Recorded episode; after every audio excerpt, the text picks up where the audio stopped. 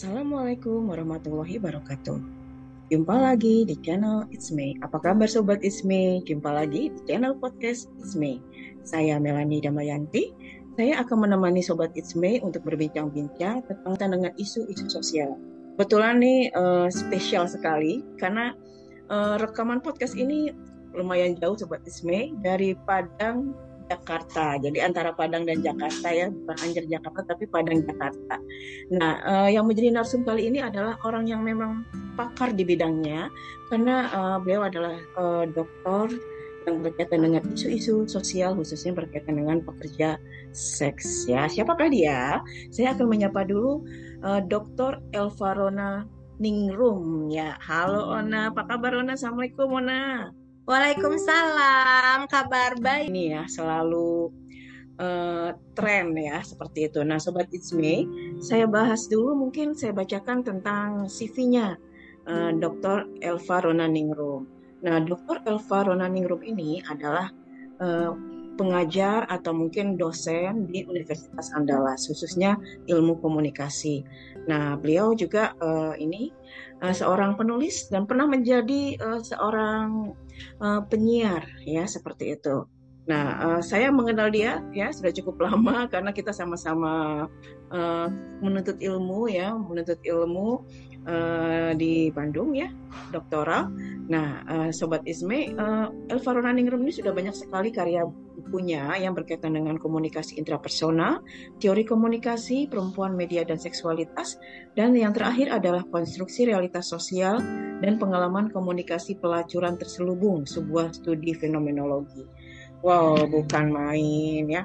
Uh, Ona, uh, gimana nih uh, pengalamannya? Ini uh, sebenarnya sudah saya laksanakan di tahun mulai nih ya, 2007 hmm.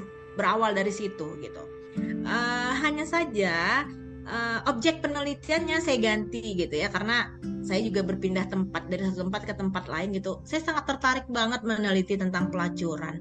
Nah, uh, ternyata di tempat saya tinggal sekarang gitu ya, merantau sebenarnya saya nggak asli orang sini sih gitu, tapi tertantang ketika saya melihat ada simbol budaya dan itu melekat banget uh, di masyarakat sini gitu ya. Yang uh, menurut saya loh kok bisa ya simbol budaya itu melekat tapi ternyata kehidupan uh, yang dalam arti tanda kutip pelacuran terselubung itu terjadi gitu loh. Jadi rentang waktunya kurang lebih uh, eh, 12 tahun kok dari masa penelitian sampai terbit buku ini gitu ya.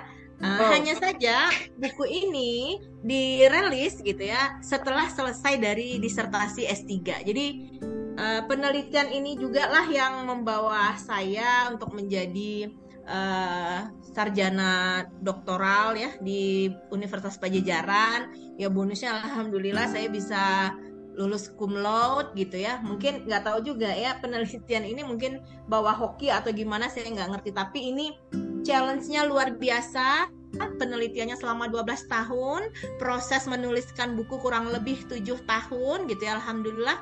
Akhirnya di 2023 di bulan Maret ini uh, ini buku ini bukan buku pertama sih sebenarnya tapi buku pertama sekali yang saya tulis dari fenomena yang nggak susah, yang yang yang bukan nggak susah, yang sangat sangat susah dan mengeluarkan air mata.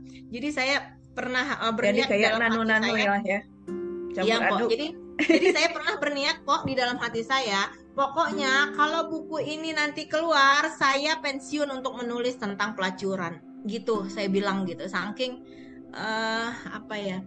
Dunia pelacuran itu tidak se euforia yang diinformasikan gitu ya. Tetapi lebih daripada itu karena kita sebagai uh, researcher tentu kita akan tahu sedalam-dalamnya tentang penelitian itu gitu ya. Apalagi uh, pelacuran itu dalam perspektif konstruktif gitu ya konstruktif konstruktif konstruktif gitu ya. Bahwa uh, secara realitas gitu kita nggak pernah bisa lepas yang dari namanya uh, seksualitas gitu. Nah mungkin perempuan-perempuan yang kurang beruntung itulah yang uh, membuat diri mereka sebenarnya banyak faktor sih kenapa mereka bisa uh, masuk ke dalam uh, dunia seperti itu gitu. Nah, dan Ona, itu menjadi challenge tantangan bagi saya ketika uh, menelitinya uh, ini Ona lumayan ya uh, 12 tahun. Ibaratkan kalau seorang anak itu sudah anak yang mau masuk SMP ya. Jadi udah tamat dari dalam dari dalam kandungan dari dalam kandungan sampai akhirnya jebrol uh, muncullah buku ini yang memang proses meneliti, proses menulis itu bukan sesuatu yang instan, bukan main ya Ona. Nah Ona, ini kan berkaitan dengan masalah uh, pekerja seks ya. Mungkin kita ngomongin ini dulu Ona tentang pekerja yeah. seks dulu. Nah sebenarnya ada nggak sih uh, batasan tentang apa sih itu pekerja seks? Gimana Ona? Uh, kalau menurut saya batasan itu ada ya. Selama mereka masih berkeinginan untuk menjajakan diri mereka yang ada transaksi gitu ya ada keuntungan yang dibalik uh, dari itu semua maka di situlah uh, definisi si uh, pekerja tadi terutama tentang seksualitas ya uh, di situlah uh, berhenti gitu ya. Jadi selama dia masih pengen menjajakan diri dia gitu ya, uh, selama dia masih uh, laku mungkin istilahnya ya bagi uh, PSK PSK tersebut gitu ya, ya dan menguntungkan gitu ya, maka di situ pula lah uh, mereka masih tetap bertahan eksis dengan pekerjaan tersebut gitu. Hanya saja hari ini kan di Indonesia itu hal-hal yang bersifat legal seperti pelacuran uh, yang ada legalitasnya itu nggak seperti di luar negeri ya, Mpok ya. Itu kan hmm. nggak banyak diakui oleh uh, masing-masing daerah. Adapun ada tetapi tidak begitu uh, terlihat seperti kita berada di luar negeri gitu ya. Kalau kita pergi ke Thailand gitu ya, mungkin kita pernah pergi ke Thailand ya, Mpok ya, yang di pinggir pantai itu berhamburan PSK PSK hmm. yang nggak ada tuh dilarang oleh pemerintah mereka gitu. Tapi kalau di Indonesia itu menjadi sesuatu yang masih tabu gitu ya. Nah itu mpok. Nah Ona saya. Tadi kan kalau dari batasan tentang pekerja seks itu adalah orang yang menjajakan diri. Ya. Nah, berarti uh, ini nggak apa nggak ada batasannya pada perempuan saja dong, laki-laki termasuk.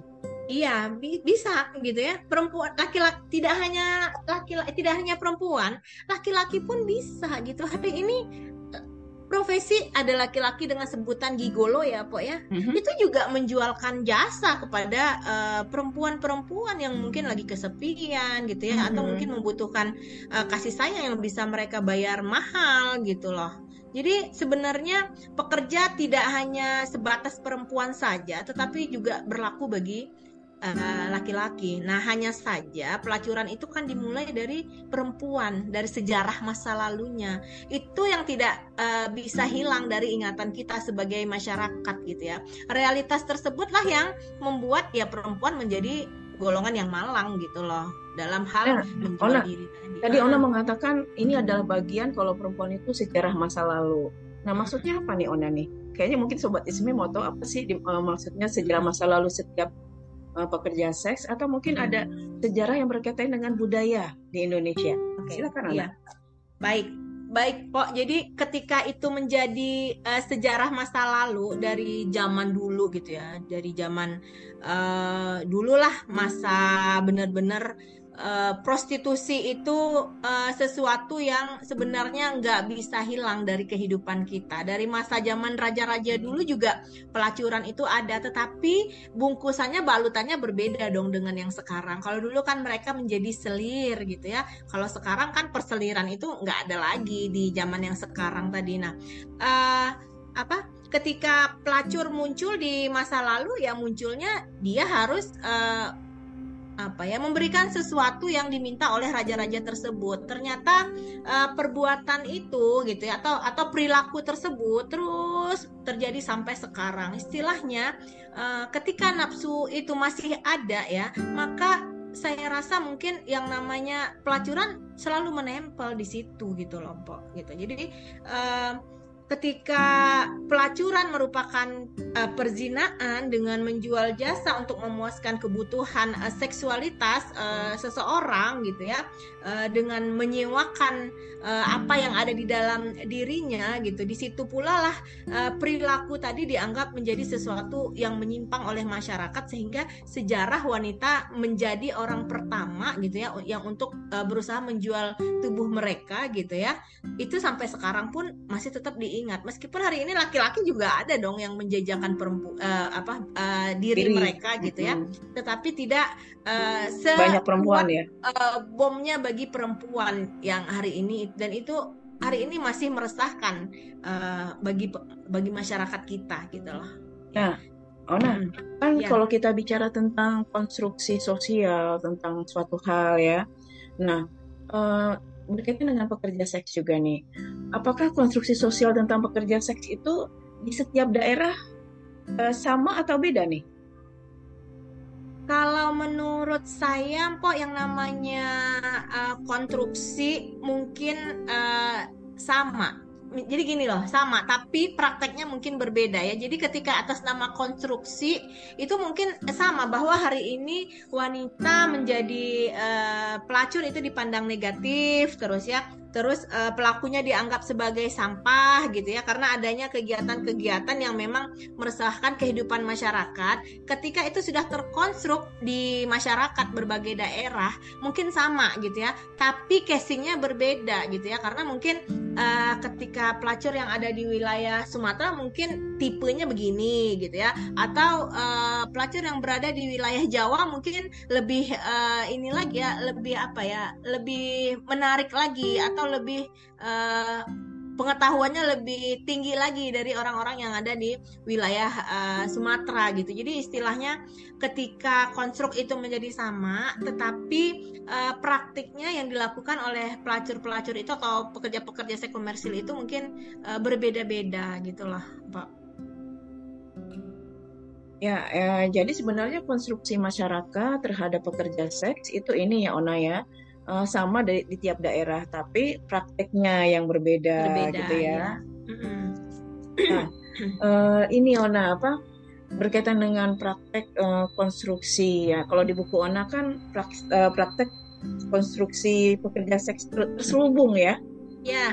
Nah, kenapa saya sebut ada terselubung? bedanya yang terselubung dan terang-terangan? Ada dong, ada dong, ada dong. Po. Gimana, Jadi, gimana, gimana? Uh, sebenarnya gini, orang kalau menyebut itu terang-terangan ya memang uh, praktek prostitusi itu terang-terangan meskipun terjadi dalam wilayah terselubung gitu loh. Artinya tiap-tiap daerah itu terkadang dia uh, menafikan bahwa pelacuran itu ada di tempat mereka tapi tidak terekspos dengan baik sehingga pelacur-pelacur yang bekerja di tempat itu menyebut diri mereka terselubung. Nah, di dalam buku ini saya menulis bahwa pengalaman yang dimunculkan oleh uh, eh, PSK itu banyak banget gitu loh. Tetapi yang dilihat adalah bagaimana cara mereka melakukan pekerjaan aktivitas gitu dalam dunia terselubung gitu.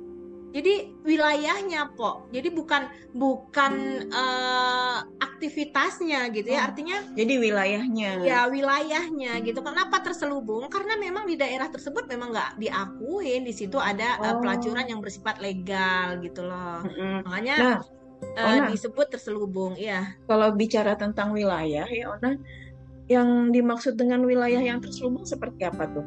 Apakah yang memang tidak memakai ya pelang khusus atau mungkin uh -uh. Uh, prakteknya itu sembunyi-sembunyi? Gimana? Ya, yang pertama sudah pasti sembunyi-sembunyi gitu. Meskipun sudah dilarang gitu ya, tetapi pelacuran tetap ada gitu yang pertama sembunyi-sembunyi, yang kedua bahwa di wilayah tersebut tidak mengakui adanya uh, pekerjaan atau jasa menjual belikan diri gitu loh, Pok. Nah, sehingga apa? Terselubung menjadi bagian dari si uh, pelacuran tadi atau bagian dari para para perempuan-perempuan yang kurang beruntung tersebut tetap menjalankan pekerjaan mereka ya dengan berbagai macam tujuan gitu. Kadang hari ini orang menjadi PSK mungkin karena faktor ekonomi gitu ya, tidak mampu menghidupi diri dirinya atau keluarganya. Bahkan menjadi PSK juga uh, apa namanya ada yang uh, karena keinginan gitu karena mungkin dia sudah uh, sangat kecewa dengan kehidupan pribadi dia diperkosa sebelum menikah gitu atau mungkin uh, melakukan hubungan seksual terlarang dengan uh, teman atau pacarnya gitu nggak punya harapan lagi gitu loh ya jadi terselubung di sini maksudnya adalah uh, wilayah tersebut yang uh, tidak mengizinkan terjadinya pelacuran tersebut sehingga wanita-wanita tadi mengaklamasikan diri mereka ya dengan cara sembunyi-sembunyi gitu. Uh, bisa nggak seperti ini juga Ona ya? Kalau dulu kan pa pada tahun 2000 sekian ya uh, pernah ribut juga misalnya uh, mahasiswa yang merangkap-rangkap gitu ya, mm-hmm. ayam kampung lah gitu. Yeah. Nah kira-kira um, untuk mereka itu kan juga sebenarnya menjalankan profesinya secara sembunyi-sembunyi. Nah ini yeah. termasuk nggak uh, dikatakan pada prostitusi terselubung? Iya, bisa jadi Mpok, bisa jadi gitu loh. Nah, untuk mengkategorikan kan? uh-huh. ya, jadi uh, selain karena profesi juga bisa juga karena ini nggak apa mereka melakukannya secara mandiri tidak melalui perantara mucikari ada. Yang ada, ya? informan yang saya temuin ada gitu ya. Jadi dari yang ada mucikari sampai lepas dari mucikari ada yang mereka juga bekerja sendiri. Karena bagi mereka ketika memakai mucikari itu lebih banyak uh, apanya lebih banyak uh, apa namanya kekurangannya lebih banyak dampaknya gitu ya. Selain pendapatan menjadi kecil terus mereka juga ditekan diatur gitu. Sementara mereka nggak suka dengan cara kerja seperti itu. Tetapi karena mucikari itu yang menjadi uh, tempat mereka uh, promosi mereka jadi mau nggak mau ya mereka harus mengikuti kontrak dan aturan yang ditetapkan oleh mucikari sampai si kontrak itu selesai ya apakah mau jadi sistemnya gini loh po sama kayak kita bekerja kita kontrak apa hmm. aja yang akan kita kerjakan selama berapa tahun gitu ya uh, itu itu ada surat tertulisnya yang memang terjadi antara uh, si mucikari dengan uh, PSK-nya tersebut oh gitu. bukan main jadi ya, mereka jadi, tuh seperti pekerjaan ada kontrak gitu ya Iya ada kontraknya oh. dan ada terkadang ada PSK yang uh, setelah dia menjalani kontrak tersebut dia merasa kurang beruntung atau tidak win-win solusi lah gitu. Atau uh, ya keenakan di dia nggak enak di saya gitu ya. Dia memutuskan kontrak itu dan dia cari lagi yang dengan cara dia gitu.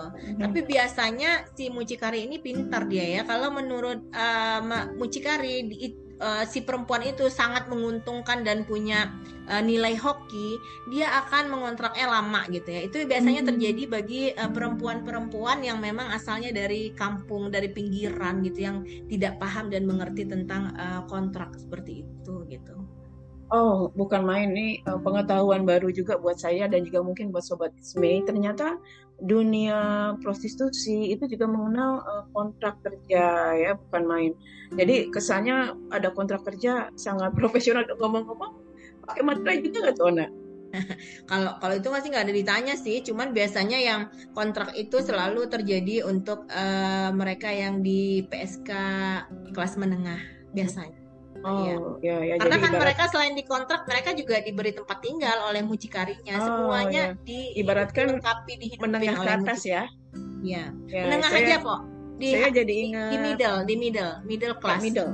Saya jadi ya. ingat ini nih apa? Yang sinetron yang belum lama ini tentang mucikari yang dibayar satu M apa ya? Itu Ona ngikutin nggak? Uh, ngikutin di awal tapi karena sudah ketebak jalan ceritanya jadi membosankan gitu ya. Karena sebelum belum uh, sinetronnya ending ya si film itu ending gitu ya saya saya saya udah bisa menebak. Karena karena kita sebagai peneliti punya kepekaan tingkat dewa ya Mbak ya ketika melakukan penelitian ini. Penelitian ini uh, susah untuk menetralitaskan diri kita sebagai peneliti, tetapi mm -hmm. di dalam penelitian fenomenologi kita itu tidak boleh uh, pro atau kontra terhadap informan kita dan yeah. uh, peristiwa yang terjadi. Jadi sifat netralitas itu sangat uh, tinggi ya, tinggi po. Pernah sekali ini pengalaman pada diri saya, saya tuh nggak tega ngelihat uh, PSK kelas bawah itu ya, yang low class itu yang benar-benar diperlakukan. Masa sih ada harga badan kita ini sepuluh ribu, lima belas ribu, oh my god, saya bilang saya tuh nangis gitu ya. Bahkan untuk membuat diri saya netralitas, saya nggak mau kembali ke tempat itu sampai kurang lebih uh, berminggu-minggu gitu ya. Untuk mengembalikan, saya nggak boleh begitu gitu. Saking tidak teganya melihat keadaan itu gitu, gitu Mpok. Jadi hampir bener give up gitu ya karena penelitian ini uh, susah gitu ya. Mm-hmm. Tetapi akhirnya ya terus gimana ya? Uh, saya pengen dapetin solusi satu meskipun solusi tentang pelacuran hari ini bahkan saya sebagai peneliti juga tidak bisa menemukan solusi yang seutuhnya gitu. Ya, Ona, kalau dari hasil apa riset Ona, wawancara dengan informan Ona, nah hmm? kira-kira nih orang yang terjun ke dunia prostitusi ya itu adalah orang yang memang secara ekonomi uh, kurang atau mungkin ada faktor-faktor lain? Gimana Ona? Ya, uh, banyak kok. Jadi banyak faktor kenapa uh, mereka terjun ke dalam dunia tersebut gitu ya. Apa yang menjadi faktor-faktornya? Ada faktor ekonomi yang itu saya bilang bahwasanya mereka dari uh, ekonomi kelas bawah gitu yang memang membutuhkan uang untuk menyokong hidup mereka sekeluarga gitu. Jadi faktor ekonomi di situ juga berperan nomor satu gitu ya. Yang kedua uh, faktor lainnya karena gaya hidup. Jadi uh, terbiasa bergonta-ganti pasangan gitu ya yang masih single atau uh, belum menikah gitu ya. Uh, sehingga uh, bagi mereka tuh penasaran gitu ya. Rasa ingin melakukan hubungan seksual dengan sensasional yang berbeda-beda itu menjadi sesu sesuatu yang akhirnya ayo ah, udahlah saya nggak terlalu butuh uang tetapi sensasional dari seksualitas itu yang ingin saya rasakan itu. Nah terus ada lagi yang dia bercerai dari suaminya karena dia merasa uh, putus asa sakit hati gitu. Apalagi ngelihat kehidupan suaminya justru lebih bahagia ketimbang kehidupan dia saat uh, mereka menikah gitu.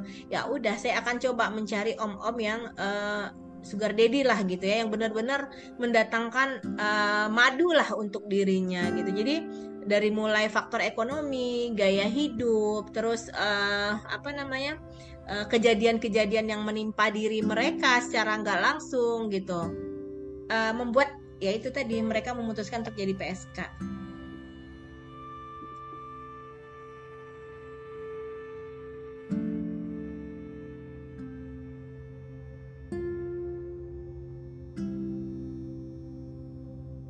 Ya, uh, Ona kan menarik banget nih ya uh, informasi dari Ona. Ternyata orang yang uh, terjun ke dunia prostitusi itu nggak semata-mata karena ekonomi. Tadi Ona menyebutkan ada masalah sensasi. Nah, maksudnya sensasi gini, uh, bisa nggak dalam arti orang yang mungkin secara seksual itu tidak puas dengan pasangan atau orang yang memang uh, hiper gitu ya. Jadi uh, ya melakukan pelampiasan di luar dengan menjadi uh, ini pekerja seks. Gimana nih Ona? Iya, Mpok. Jadi uh, begini, kenapa sensasi itu uh, bisa menjadi faktor ya dalam temuan penelitian ini gitu?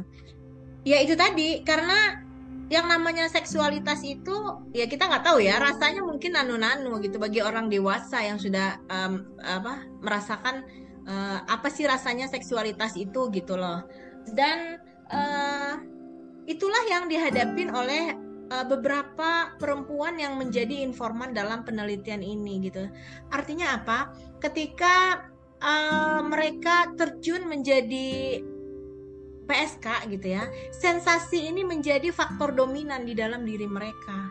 Kenapa? Ya ingin merasa penasaran, rasa penasaran gitu ya, rasa ingin mendapatkan lebih gitu loh.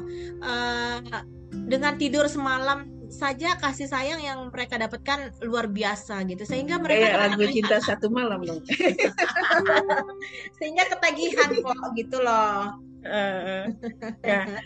Jadi uh, ini ya potret kehidupan kita memang luar biasa. Karena memang kalau kita bicara tentang seks itu merupakan salah satu kebutuhan ya Ona ya. Mungkin ya. setiap orang beda-beda. Ada orang yang mungkin bisa menahannya ada yang mungkin ya memerlukan perjuangan hingga dia mencari pelampiasan di luar bukan main Ona.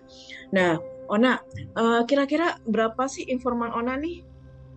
Informan Ona banyak kok. Berapa tuh? 24 orang. Itu 24 uh, eh, pekerja seks semua atau sudah mencakup mucikari Ona? uh, apa ada yang beragam ya ada yang oh, mucikari oh, ya tapi rata-rata mereka awalnya ada, ada PSK dulu gitu baru mm -hmm. jadi mucikari lah ya jadi kalau 24 itu disebutin satu-satu gitu ya uh, ada yang menjadi mucikari gitu ya terus tetapi ketika mereka menjadi mucikari diawali dulu menjadi uh, pelacur gitu. hmm. susah ngedapetinnya po itu juga um, snowball ya jadi penelitian ini ada snow, snowball sampling, ada purposive samplingnya juga hmm. gitu ya. Uh, nah, tapi Ona, hmm. observasinya nih yang perlu saya tanyain. Ya, Gimana caranya tuh?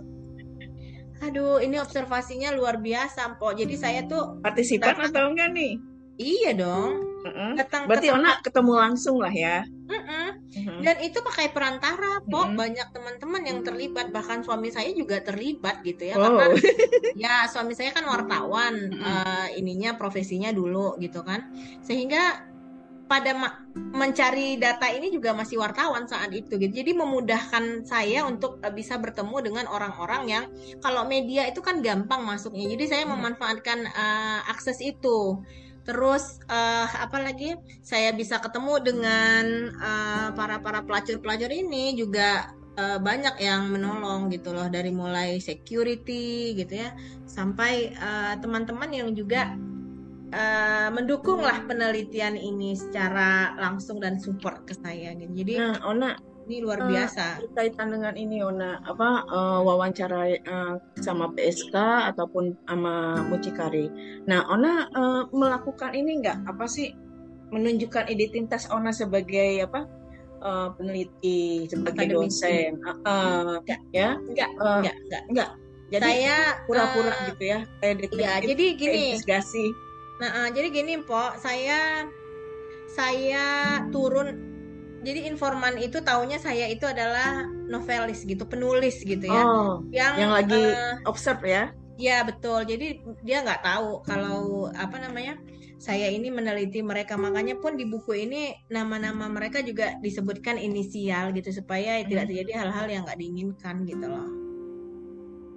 Oke, jadi uh, ibaratkan kayak ibaratkan saya jadi inget nih masa-masa jadi wartawan investigasi.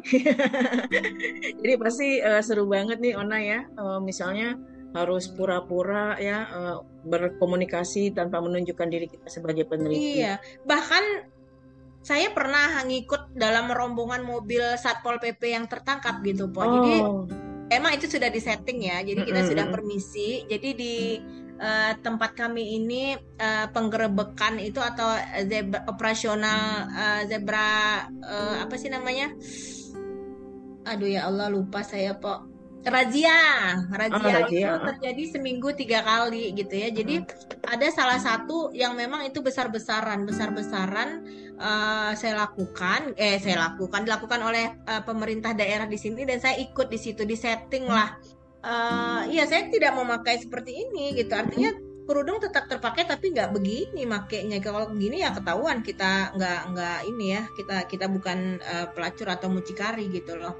Jadi seakan-akan saya itu udah tertangkap duluan. Saya berada di dalam mobil truk bersama mereka nanti ujungnya gitu ya. Tapi di situ tetap uh, apa namanya pakai handphone yang memang uh, speakerin ke telinga gitu kalau ada sesuatu hal yang buruk terjadi gitu loh. Karena kan uh, pada saat rame-rame razia kayak gitu kan semua orang diborong masuk ke dalam si truk itu. Sampai uh, saya ber, setelah uh, beberapa lama akhirnya masuk kan yang kena razia jaringan itu gitu.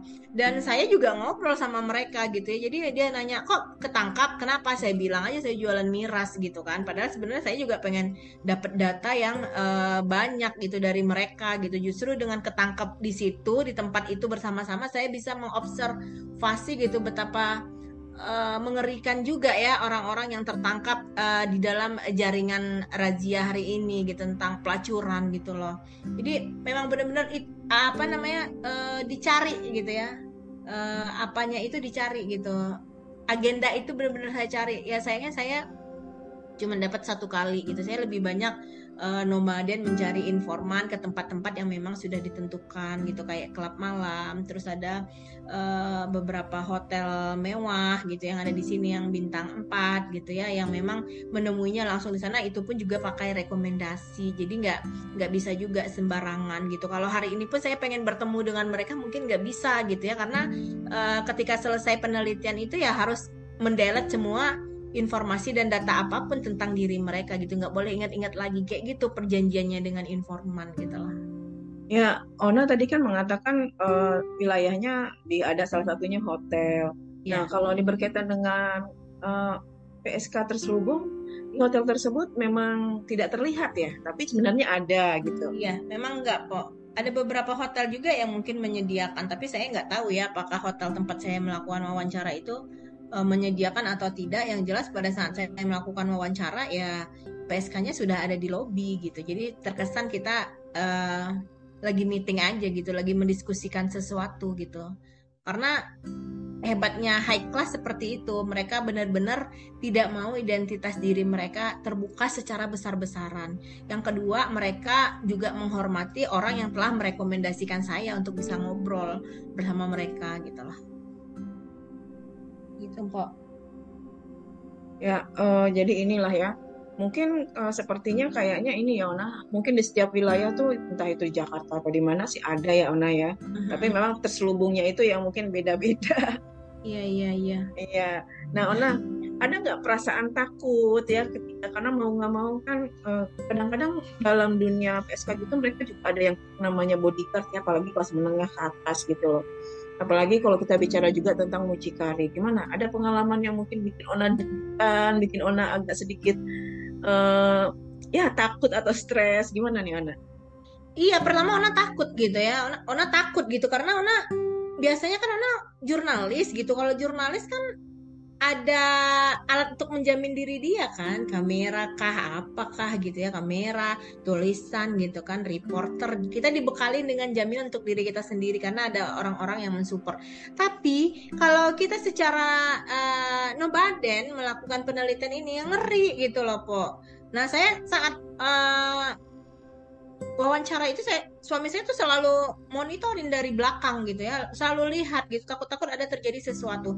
Makanya kayak di kafe-kafe malam gitu ya yang kita dekatin adalah security-nya gitu ya paling ya bayar uang rokok aja lah uh, mereka akan melindungi kita gitu kalau apa pun yang terjadi ada sesuatu hal yang mungkin terjadi gitu ya. Jadi uh, apa saat melakukan penelitian ini alhamdulillah gitu ya bertemu dengan informannya nggak banyak menemukan kesusahannya, tetapi saat mengkonfirmasi datanya yang uh, agak susah gitu. Kenapa? Ketika uh, meskipun di dalam fenomenologi dia reflektivitas gitu, tetapi kan ketika kita wawancara, ketika kita lupa nggak ingat semuanya kan kita ngulang lagi apa ya tadi ya supaya kita sebagai peneliti bisa menginterpretasikan apa yang disampaikan oleh si informan dan itu juga harus buru-buru mpok gitu ya. Jadi Uh, saya pernah sekali melakukan wawancara dengan salah satu informan, nah itu memang saya bayar, jadi dia nggak mau ngasih informasi begitu aja. Jadi bisakah uh, Uni menawar apa namanya?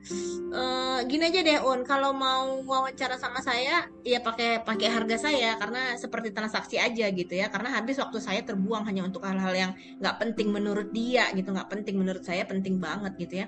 Ya saya bayar gitu. Berapa dia disewa oleh uh, pelanggannya gitu dengan durasi berapa jam saya sewa gitu.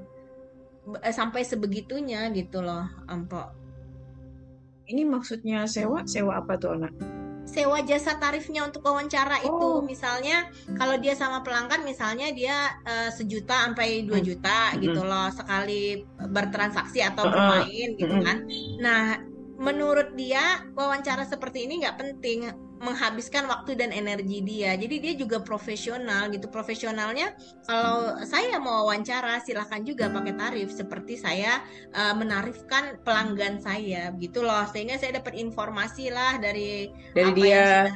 hmm. Udah kira-kira berapa tuh anak uh, biaya itu? untuk melakukan ya uh, riset dan wawancara kepada PSK?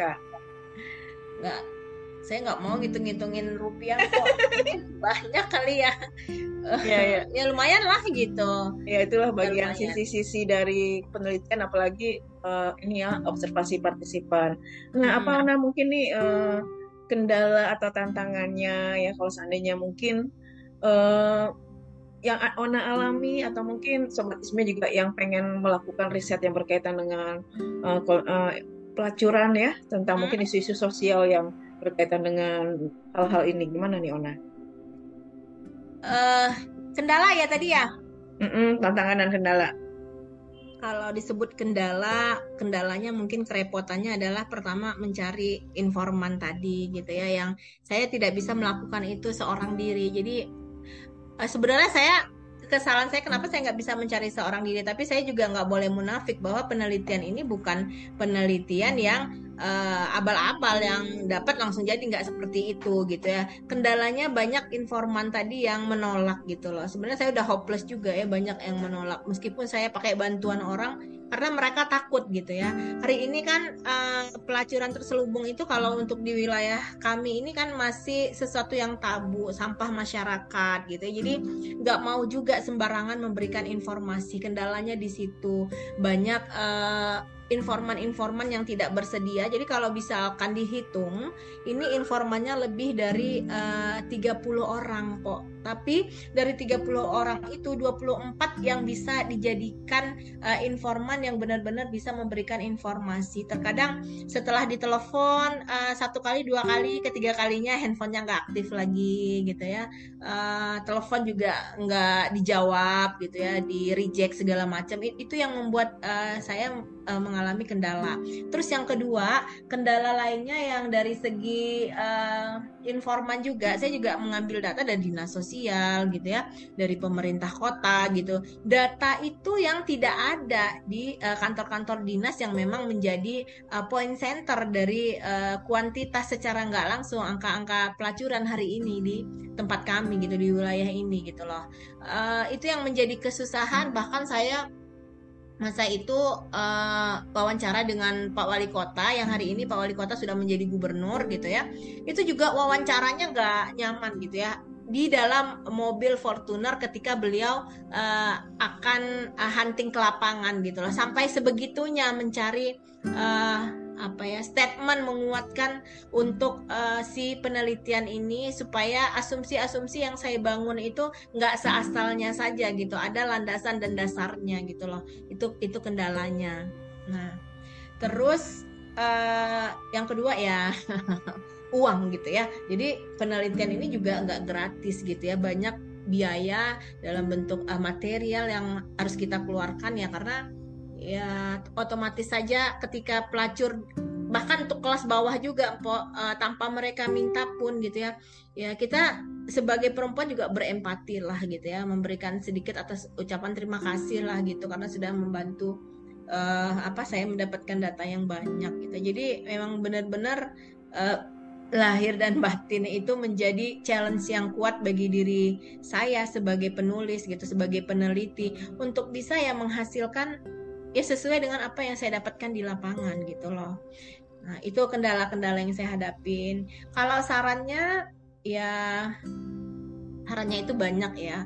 Hari ini eh, penelitian-penelitian tentang pelacuran itu ketika menjadi sebuah penelitian sering kali syaratnya tertinggal, solusinya itu tertinggal karena apa? Karena tidak sesuai dengan apa yang kita inginkan gitu ya. Misalnya dari penelitian saya ini, saya ingin pemerintah itu uh, punya rancangan atau dia mampu merancang gitu ya bagaimana model penanggulangan komunikasi yang efektif terhadap uh, pelacuran yang ada di wilayah ini gitu ya. Tetapi sampai detik hari ini itu itu nggak itu nggak berjalan gitu ya. Jadi bahkan statement dari wali kota sendiri menyebut uh, kegiatan pelacuran itu tidak bisa dizerokan gitu loh ya. Tidak bisa dinolkan tetapi hanya bisa diminimalisir gitu ya. Diminam, diminimalisir ya sama aja. Lama-lama kalau nggak dievaluasi jadi uh, banyak gitu jadi uh, maksimum gitu jadi besar gitu ya.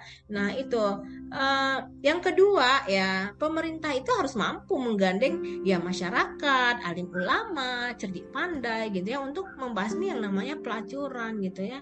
Jadi istilah bahwa masih ada nafsu maka pelacuran akan ada menurut saya itu bisa dimusnahkan kalau memang kita benar-benar di negeri ini memang konsen gitu atau fokus memang akan menyelesaikan masalah ini dengan uh, sebijaksana mungkin gitu ya. Kenapa mereka tidak dicarikan tempat yang layak untuk bisa bekerja dimodalin gitu ya. Jadi evaluasi itu yang tidak muncul uh, dari pemerintah kita itu loh kok gitu. Ya. Nah, Duh, makasih banget nih Ona sudah uh, luar biasa ya banyak sekali ilmunya. Jadi penasaran sama isi bukunya. eh, boleh, Ona, boleh. Yang, yang terakhir nih Ona nih kalau yeah. kita bicara tentang konstruksi sosial itu kan sifatnya uh, berkaitan dengan budaya uh, di suatu masyarakat ya Ona ya dan mungkin sifatnya juga dinamis gitu loh karena uh, selalu kebiasaan dan sebagainya itu uh, bisa berubah-ubah nah ini Ona kira-kira uh, sekarang kan ini udah era digital ya udah era yeah. yang mungkin uh, beda lah sama zaman dulu-dulu nah ada hmm. uh, ada perbedaan Ona konstruksi sosial tentang pekerja seks dulu dan sekarang di era serba digital ini? Silakan Ana. Ya, kalau konstruksi realitas ya pasti ada lah ya, Po. Tapi ketika pasti ada perbedaannya di masa dulu dan yang sekarang kita sudah teknologi luar biasa gitu ya. Uh, namun, ketika kita membicarakan tentang konstruksi realitas uh, atas pelacuran itu sendiri, di sini saya sebagai peneliti memberi batasan gitu. Ketika konstruksi realitas itu menempel uh, dalam uh, penelitian pelacuran ini, maka secara pribadi saya hanya mengkonstruksi bagaimana pengalaman komunikasi pelacuran terselubung tersebut, gitu ya, uh, dalam sebuah kajian, di mana ternyata PSK itu hari ini itu berkotak-kotak gitu loh, Po. Ber beragam jenis berkelompok-kelompok uh, gitu loh. Nah, uh, itulah yang kita dalam isu sosial hal-hal tersebutlah yang uh, kita terminologikan kita punya definisi dari uh, konstruksi realitas pelacuran tersebut. Kita punya mindset pemikiran bahwa ketika itu menjadi sebuah uh, konstruksi realitas kita melahirkan sebuah istilah gitu istilah-istilah gitu ya. Perlakuan-perlakuan uh, yang muncul di dalam lingkungan cara model mereka bekerja gitu itu itu yang kok bilang tadi. Jadi kalau digital hari ini sebenarnya masuk konstruksi realitasnya dari isu cara atau model si PSK itu bekerja. Kalau dulu hmm. kan uh, mereka kan mangkal ya po ya mm. uh, manggil taksi gitu ya atau mungkin mm. bekerja sama dengan taksi-taksi gelap atau mm. uh, mobil blue blue car gitu ya mm. tapi hari ini ya pakai media media itu luar biasa kayak micet gitu ya kita uh -huh. bisa tahu dia ada di mana di wilayah mm. mana gitu loh mm. nah uh, itu itulah yang yang menurut saya bahwa uh, ada hal sesuatu yang menarik dari potret isu sosial yang hari ini uh, memang me beragam muncul dalam uh, persoalan gitulah dan di situlah kita sebagai peneliti ini yang harus brilian ketika kita mengkonstruksi itu menjadi sebuah realitas uh, lo mau di mananya gitu loh. Mm-hmm. ya gitu. Yo, bukan main ya. Memang uh, era digital ini ya memberi pengaruh kepada seluruh kehidupan manusia ya Ona ya. Iya. Maka... Tapi saya nggak belum berani kok menulis tentang uh, sekali terakhir itu dulu itu pun saat BBM gitu ya masih yeah. Black, uh, Messenger yeah, yeah. gitu ya BlackBerry ya. Tapi yang zaman sekarang ini saya hmm, nggak hmm, berani gitu. Kenapa? Karena teknologi itu luar biasa gitu. Saya sangat takut ketika informan ya kita merasa dibohongin kali ya informannya atau gimana. Teknologi ini kan cepat gitu bisa tahu gitu ya. Nah itu juga uh, sesuatu yang menjadi uh, kelebihan dari digital hari ini gitu ya. Dan juga menjadi bagian ya ketakutan lah bagi uh, masyarakat atau orang yang memang menceburkan diri menjadi pelacur gitu. Ya ya Ona mudah-mudahan inilah Ona ya uh banyak perempuan yang tercerahkan ya semoga juga perempuan banyak berdaya. Ada masalah semua orang punya masalah dan mudah-mudahan menemukan jalan keluar ya karena biar ya, Allah amin ya uh, banyak masalah uh, jangan menyebabkan kita mungkin terjun ke dunia yang satu itu ya Ona ya. Ya, ya kalau bisa nah, dihindarin gitu ya, ya. betul. Yang mungkin buat laki-lakinya juga dong harus kuat iman ya. Ya sebenarnya ini kebiasaan habit sih, Po. Uh, uh, uh. Mereka juga jadi pelacur, saya rasa selain faktor-faktor tersebut juga menjadi kebiasaan. Uh-huh. Pak kalau misalnya mereka miskin gitu ya, uh, tidak mampu lah gitu ya, dan faktor ekonomi yang kelas bawah itu itu kan menjadi sebuah kebiasaan kalau mereka ingin turun menjadi PSK. Tapi kalau kebiasaan itu dirubah, mereka mungkin mendapatkannya dengan cara yang halal gitu ya uh, mereka menjadi pembantu atau hmm. mungkin apalah gitu tidak melakukan hal-hal yang negatif, saya rasa mungkin itu bisa selesai gitu. Tapi kan permasalahannya orang-orang yang berada di tataran bawah ini pendidikannya juga kurang gitu. Apalagi yang mau diandalkan gitu loh. Udah pengetahuan minim, sekolah nggak tamat gitu loh, miskin pula lagi gitu ya. Udahlah dengan modal esek-esek begitu aja udah selesai bisa ngedatangin yeah. uang gitu loh. Jadi kebiasaan juga menjadi faktor ya karena masyarakat kita ini uh, heterogen ya Mpok ya jadi yeah. ragamnya juga banyak gitu ya yeah. uh, sobat Isme uh, menarik ya bincang-bincang uh, kita dengan Uni Ona ya dari Universitas Andalas ternyata memang dunia pelacuran itu sangat kompleks sekali dan bukan main kita berikan apresiasi kepada Ona yang sudah mau meneliti dengan wah tadi perjuangannya yang luar biasa ya. Ini kali pertama saya pertama banget ini ya kita, saya juga akan mengadakan bedah buku tapi ini hmm. luar biasa nih ya podcast Empo ini ya. ya. Luar biasa yang pertama sekali nih saya online untuk mm-hmm. menceritakan Alhamdulillah uh, orang pertama dong. buku ini gitu ya. Mudah-mudahan dalam waktu dekat nanti bedah bukunya akan dilaksanakan tapi lagi mencari ini po uh, supportingnya dulu gitu. Ya. Ya, mungkin Ona uh, menutup bincang-bincang kita kali ini nih. Mungkin ada semacam pesan buat sobat It's Me yang berkaitan mungkin uh, topik yang kita bahas kali ini. Ya, silakan Ona. Apa ya pesan dan kesan ya? Uh, uh. Kalau menurut saya ketika diri kita menjadi researcher yang keren gitu ya, maka jadilah peneliti yang memang mencari banyak challenge gitu ya. Bahwa setiap isu dan peristiwa itu menarik, tapi bagaimana cara kita mengubahnya menjadi menarik dan luar biasa gitu ya. Itulah challenge kita gitu. Jadi kalau mau lihat penelitian, lihat dulu isunya gitu. Isu itu kan eh, nggak uh, hanya berhenti sampai di situ ya, tapi isunya itu ke depannya gimana. Jadi kita sebagai peneliti udah bisa memprediksi gitu loh. Itu pesan saya gitu. Um, kesannya semua penelitian itu adalah luar biasa, tergantung bagaimana diri kita menekuni, terus uh, menyelesaikannya, gitu ya, sehingga bisa menghasilkan sebuah karya. Nah, seperti ini nggak apa-apa juga lama, gitu ya, puluhan tahun nggak apa-apa juga, gitu loh.